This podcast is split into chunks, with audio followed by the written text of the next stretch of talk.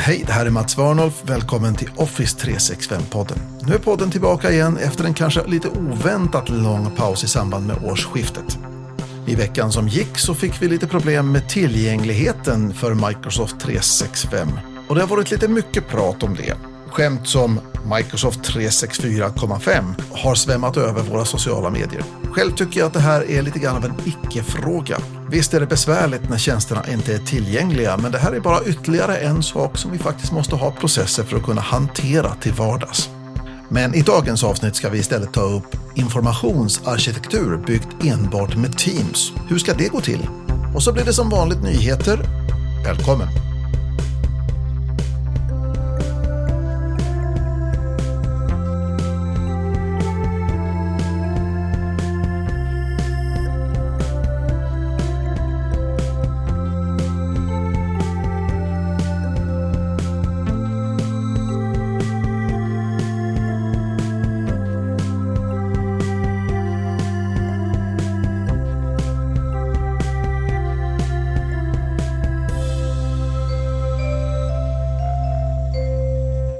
Ordning är nästan alltid bättre än kaos. Det här låter kanske självklart, men ändå. Information, till exempel, är nästan alltid organiserad. Den är organiserad alfabetiskt, ganska vanligt.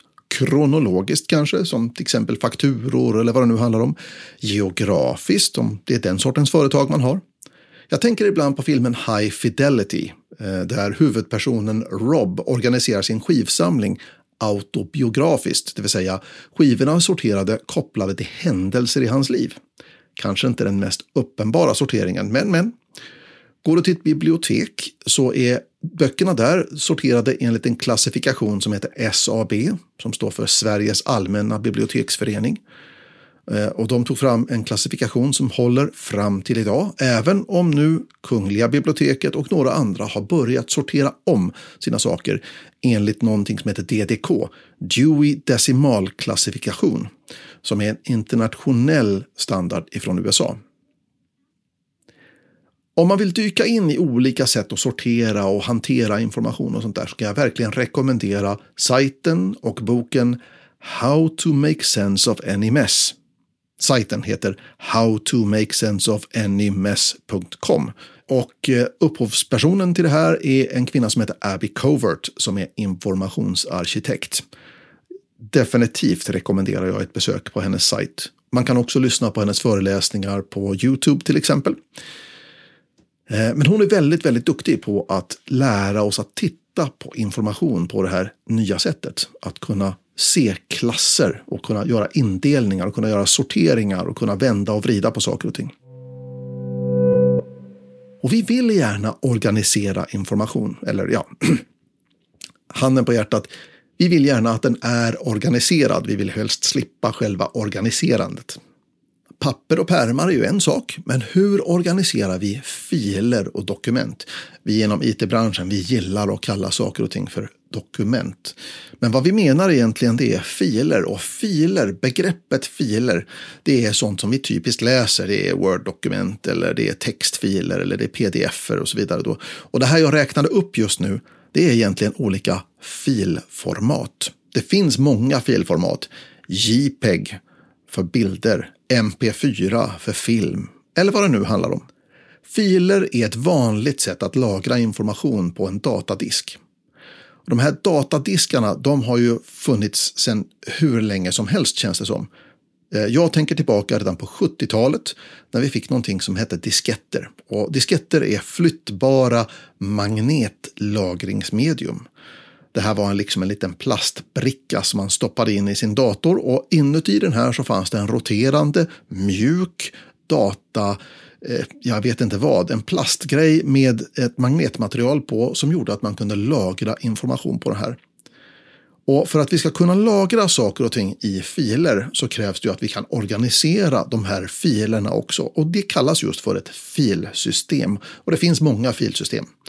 Och det som är den organiserande principen bakom ett filsystem är just att den grupperar filer i någonting som kallas för mappar. Eller ännu äldre, directories eller kataloger finns en del som kallar det här för. Men det moderna namnet som vi använder oss av är mappar. Så här gjorde vi på den tiden när vi behövde spara information utanför datorn, kanske för att distribuera den här till någon annan person som satt vid en separat dator. Det här var helt enkelt före nätverkens tid, när alla datorerna var kopplade på ett gemensamt datanät på kontoret. Då var det möjligt då helt enkelt att lägga sina dokument på en sån här diskett eller någon annan typ av lagringsmedium och då flytta det här till en annan dator. Idag har vi ju system för flera användare. Vi har någonting som vi kallar för en filserver kanske. Och filservern är ju helt enkelt en central lagringsplats som alla kommer åt. Men eftersom vi då inte kan styra vem som kan komma åt saker och ting genom att bestämma vem jag ger min diskett till, ja då har det varit nödvändigt att skapa det här med behörighetssystem. Att kunna sätta begränsningar i vad Kalle får göra och vad Karin får göra och så vidare. I modern fillagring, när vi nu flyttar våra dokument till molnet, ja, då är det ganska vanligt att vi lägger dokumenten i den här tjänsten som heter SharePoint online. Och i SharePoint där har vi dokumentbibliotek. Och ett dokumentbibliotek kan man säga kanske motsvarar en sån här diskett eller en sån här datadisk. Den här kan också delas upp i mappar och jag kan berika de här dokumentbiblioteken genom att jag lägger till metadata till dokumenten. Vad är metadata? Ja, metadata är extra information. Som till exempel när filen senast ändrades och sådär. Vi har en del metadata som är automatisk. Vi har även före SharePoints tid försökt att lägga till metadata till våra dokument.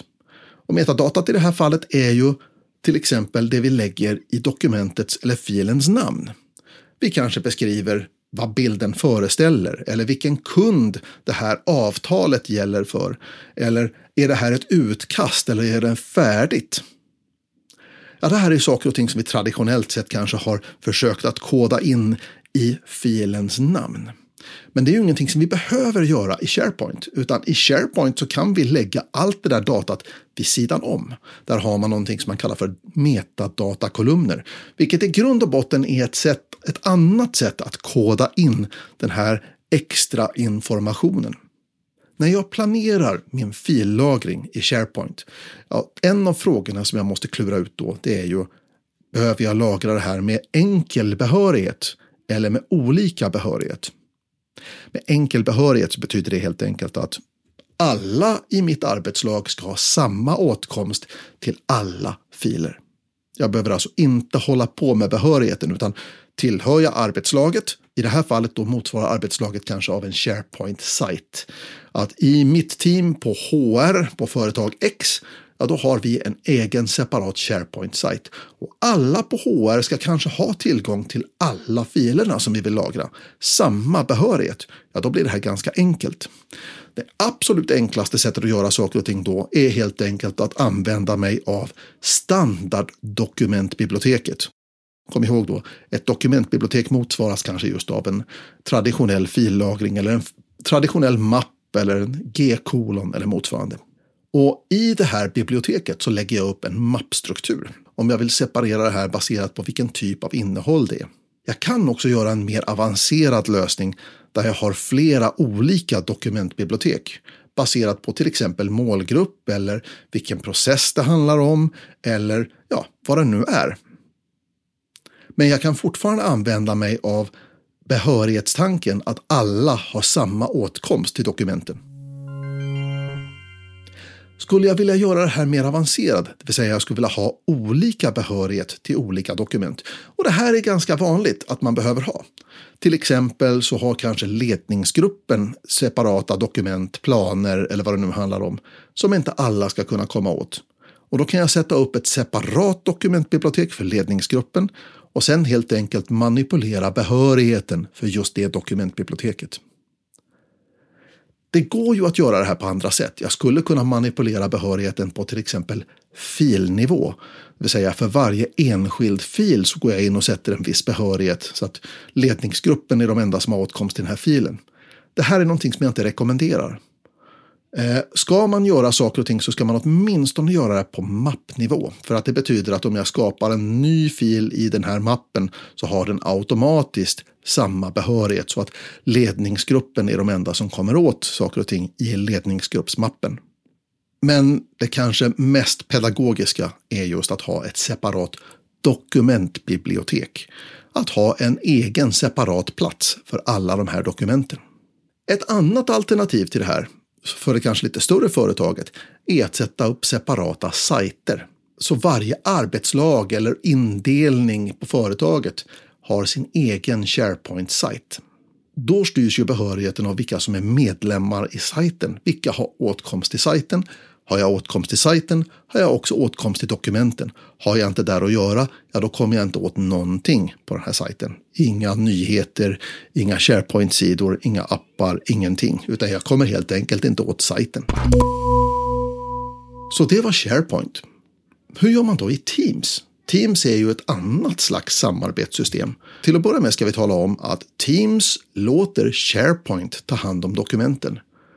De som kom på Teams, de tänkte helt enkelt att det finns ju ingen anledning att uppfinna hjulet en gång till när vi redan har ett system som hanterar filer och dokument ganska bra, nämligen SharePoint. Så istället för att Teams har sitt eget system så låter man SharePoint ta hand om det i bakändan. Och det innebär att jag har nytta av samma teknik som finns i SharePoint. Jag har till exempel möjligheten att lägga till ytterligare metadata utan att jag behöver lägga in saker och ting i filens namn. Jag har också stöd för versioner i SharePoint så att jag kan arbeta och gå tillbaka till en tidigare version eller motsvarande. Så samma teknik som finns i SharePoint är tillgänglig i Teams, helt enkelt därför att Teams låter SharePoint ta hand om filerna som tillhör teamet. Teams i sig organiserar ju allting i kanaler. Konversationer, appar och våra filer förstås. Varje kanal i Teams har en egen separat mapp i ett gemensamt dokumentbibliotek på den här SharePoint-sajten som finns i bakgrunden. Grunden för Teams är en samarbetsmodell och det betyder att alla i samarbetet har åtkomst, samma åtkomst till alla kanaler, alla dokument och så vidare. Så teamet blir helt enkelt en gemensam plats för dokument, konversationer, möten och appar. Och de olika kanalerna är helt enkelt för att inte blanda ihop saker och ting. För att kunna ha en konversation till exempel runt marknadsföringen av en ny produkt. Att den inte ska blandas med konversationen om tekniken i den här, i den här nya produkten. Men behörigheterna, de är de samma. Är jag medlem i teamet kommer jag åt alla konversationer, alla filer, alla mappar, allt. Det här passar kanske inte alla samarbeten.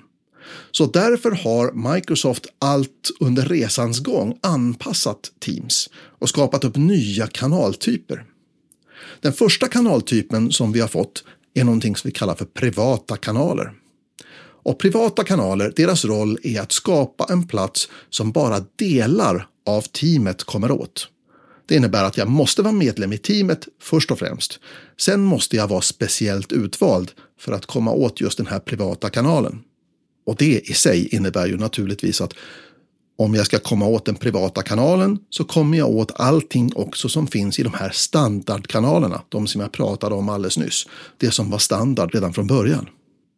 Men i en privat kanal så ligger en separat SharePoint-sajt för att hantera dokumenten. Och det betyder att om jag är medlem i teamet, i det vanliga teamet, så har jag inte automatisk åtkomst till dokumenten.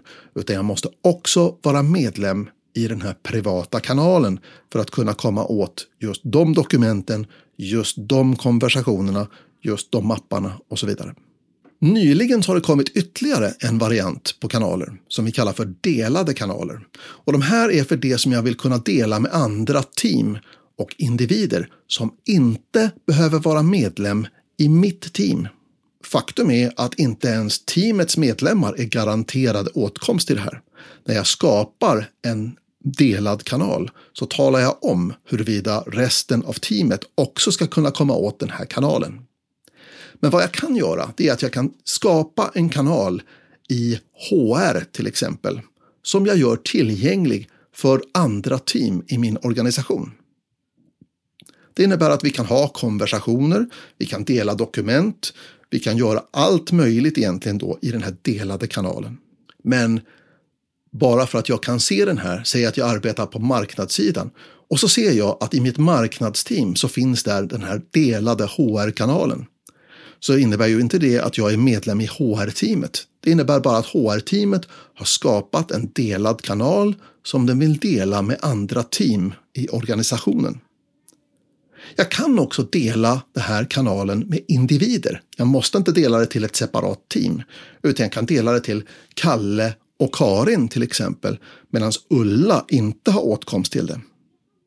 En väldigt avancerad funktionalitet som finns med delade kanaler är också att jag kan dela det här med individer utanför min egen organisation.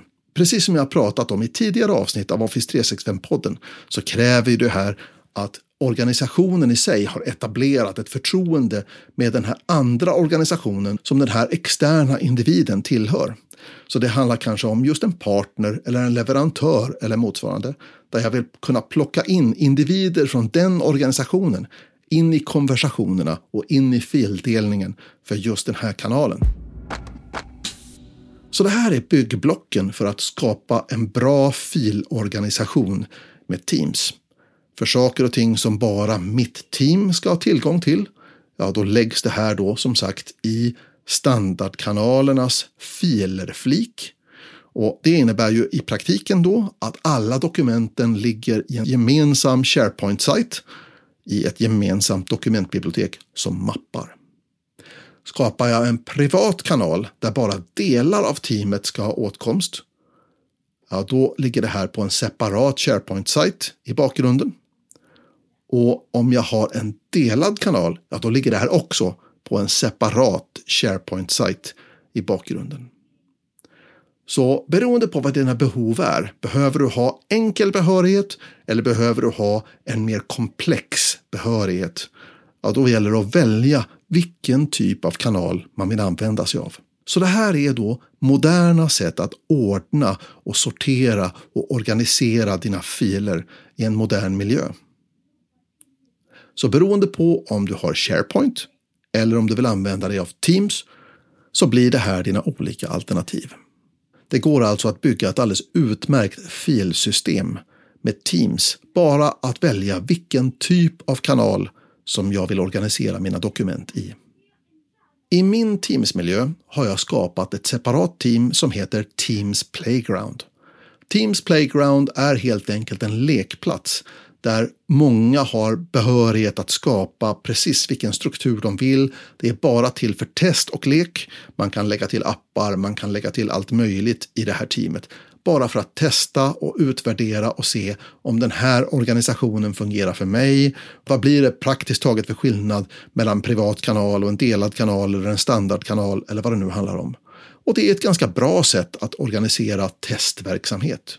Det här borde ni kunna bygga i er organisation en gemensam lekplats där man kan testa Teams och man kan testa de olika typerna av kanaler och se vilken slags filsystem som du kan bygga med de olika typerna av kanaler. Så att skapa en gemensam lekplats är kanske inte så dumt.